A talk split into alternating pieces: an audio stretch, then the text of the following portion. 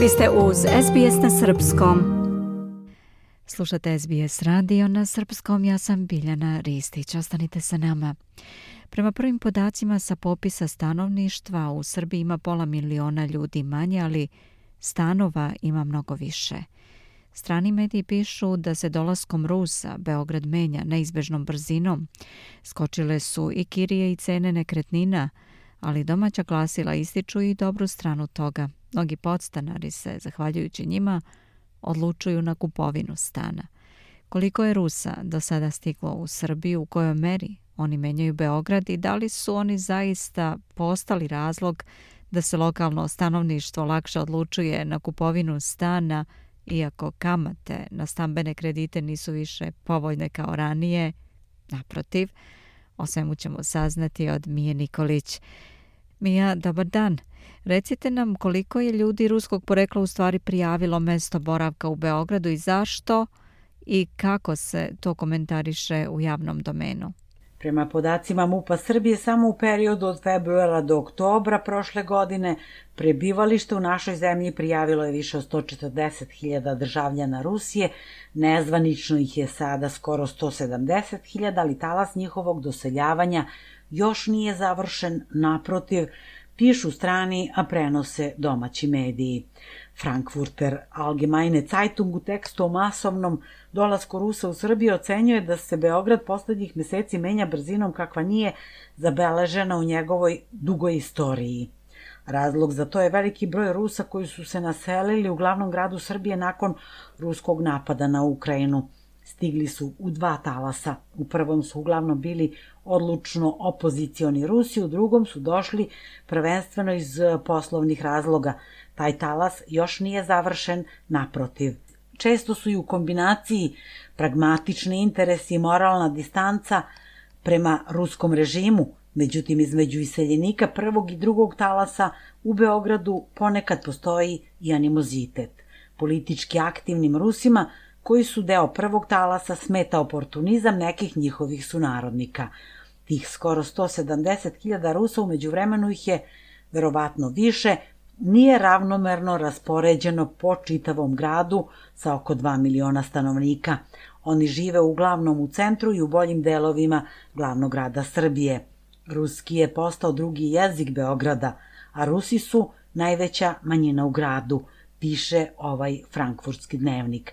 List navodi da većina Rusa u Beogradu nema finansijskih problema, ali da sada tih problema imaju neki Srbi, jer su se dolaskom velikog broja ruskih državljana cene stanarina, ali i kvadrata povećale, a najamnine učetvorostručile. A recite nam više o tome kako je dolazak velikog broja Rusa uticao na same Beograđane. Da li se oni sad lakše odlučuju da finansiraju kupovinu nekretnina i da li su tome doprinele veće cene zakupnina? Blic je početkom januara doneo tekst pod naslovom Rusi podigli cene nekretnina, ali u tome ima nečeg pozitivnog. Mnogi podstanari su, zahvaljujući njima, rešili svoj stambeni problem. Cene nekretnina u Beogradu u proteklih nekoliko meseci vrtoglavo su porasle, što je pogodilo one koji u prestonici žive kao podstanari. Ako je zakupnina iznosila 400 evra, sada je 1200 u proseku, što redko ko može finansijski da isprati. Ipak u svemu tome ima i nečeg dobrog, jer su se mnogi odvažili na veliki korak kako više ne bi bili podstanari, piše Blic. Navodi da kako su se cene zakupnina utrostručile, mnogi podstanari su postavili sebi pitanje zašto bi plaćali nekome 1000 evra za najam, kada sebi mogu plaćati kredit za stan. Do duše, iako mnogi stručnjaci upozoravaju da je i to prilično klizav teren, jer su i cene nekretnina skočile, a samim tim i rate, ipak kada se sve sabere, jasno je ako već morate da plaćate stanarinu, bolje uložite u nešto što će na kraju biti vaše. Mnogi koji godinama žive kao postanari kažu da se kaju što se na kredit nisu odlučili ranije, jer bi stan pazarili po nižoj ceni i do sada otplatili veliki deo zajma. Mladen M živi već 10 godina kao podstanar u Beogradu, planira da uskoro podnese zahtev za podizanje stambenog zajma, U radnom je odnosu, radi dva posla, uspeo je da uštedi za učešće, pa već polako razgleda nekretnine u Žarkovu, gde inače stanuje. Žao mu je što se na ovo nije odlučio ranije. Zato hvala Rusima što su nam ovo napravili, jer da nije tako, ko zna još koliko bih dugo bio postanar, kaže i navodi da će mu rata za kredit biti do duše nešto malo veća od 250 evra koliko trenutno plaća mesečnu kiriju. Mija, pročitala sam da je došlo i do većeg broja sklapanja brakova zbog toga što cene zakupnina rastu. Recite nam i o tome. Iako su mnogi računali da će u brak ući na neki romantični način, Rusi i Ukrajinci su mnoge parove naterali na zajednički život. Neke devojke su preuzele inicijativu i one zaprosile svoje partnere, bilo je i ultimatuma koji su doveli do odluke o životu pod istim, sobstvenim, na kredit kupljenim krovom, piše Blic. I to po skupljoj ceni. Da, interesantno. A Mija, kolike su cene stanova trenutno? Čini se svaki put kad pričamo o tome da uvek svedočimo znatnim poskupljenjima.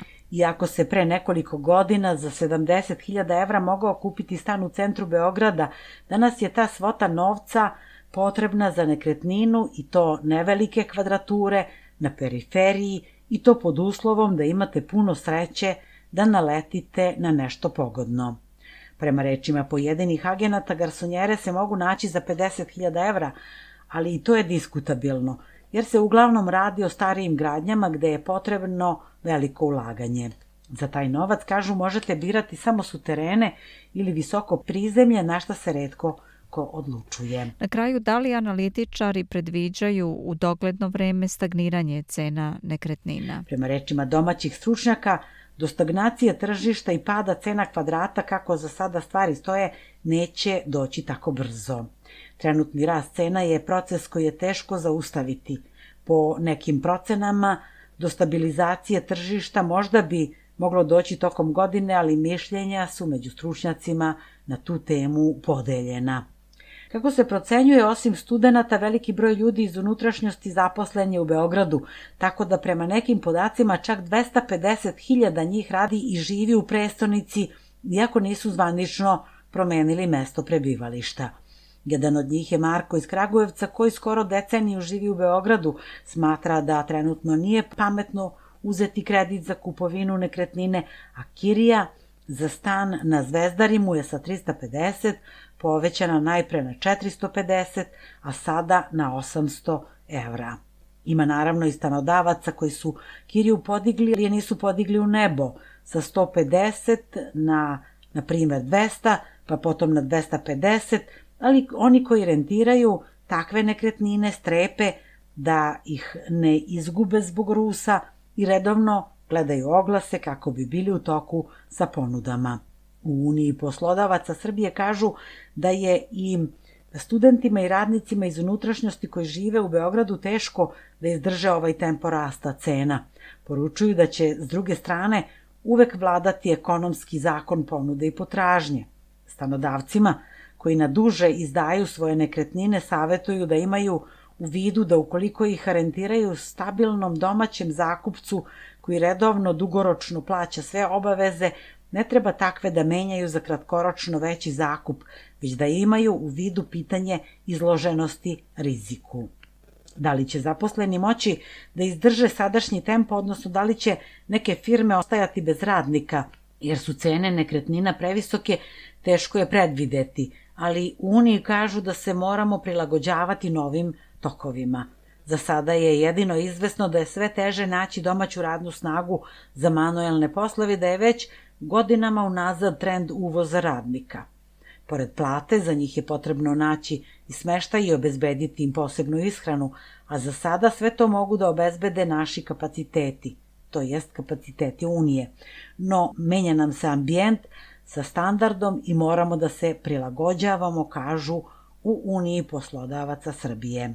Poručuju da se cene i stanova i najamnina dižu lako, a spuštaju teško i navode da to dosta zavisi od aktuelne ukrajinske krize. Rusi i ukrajinski državljani u Srbiji koji su spremni da plate visoke cene zakupa, veruju da neće duže od nekoliko meseci biti u našoj zemlji, Šta će biti ukoliko budu prinuđeni da ostanu ovde, tek ćemo videti navode u Uniji poslodavaca Srbije. Biljana? Toliko za danas, hvala Mija. Bila je to naša saradnica iz Srbije, Mija Nikolić. Ostanite sa nama, slušate SBS na srpskom. Želite da čujete još priča poput ove? Slušajte nas na Apple Podcast, Google Podcast, Spotify ili odakle god slušate podcast.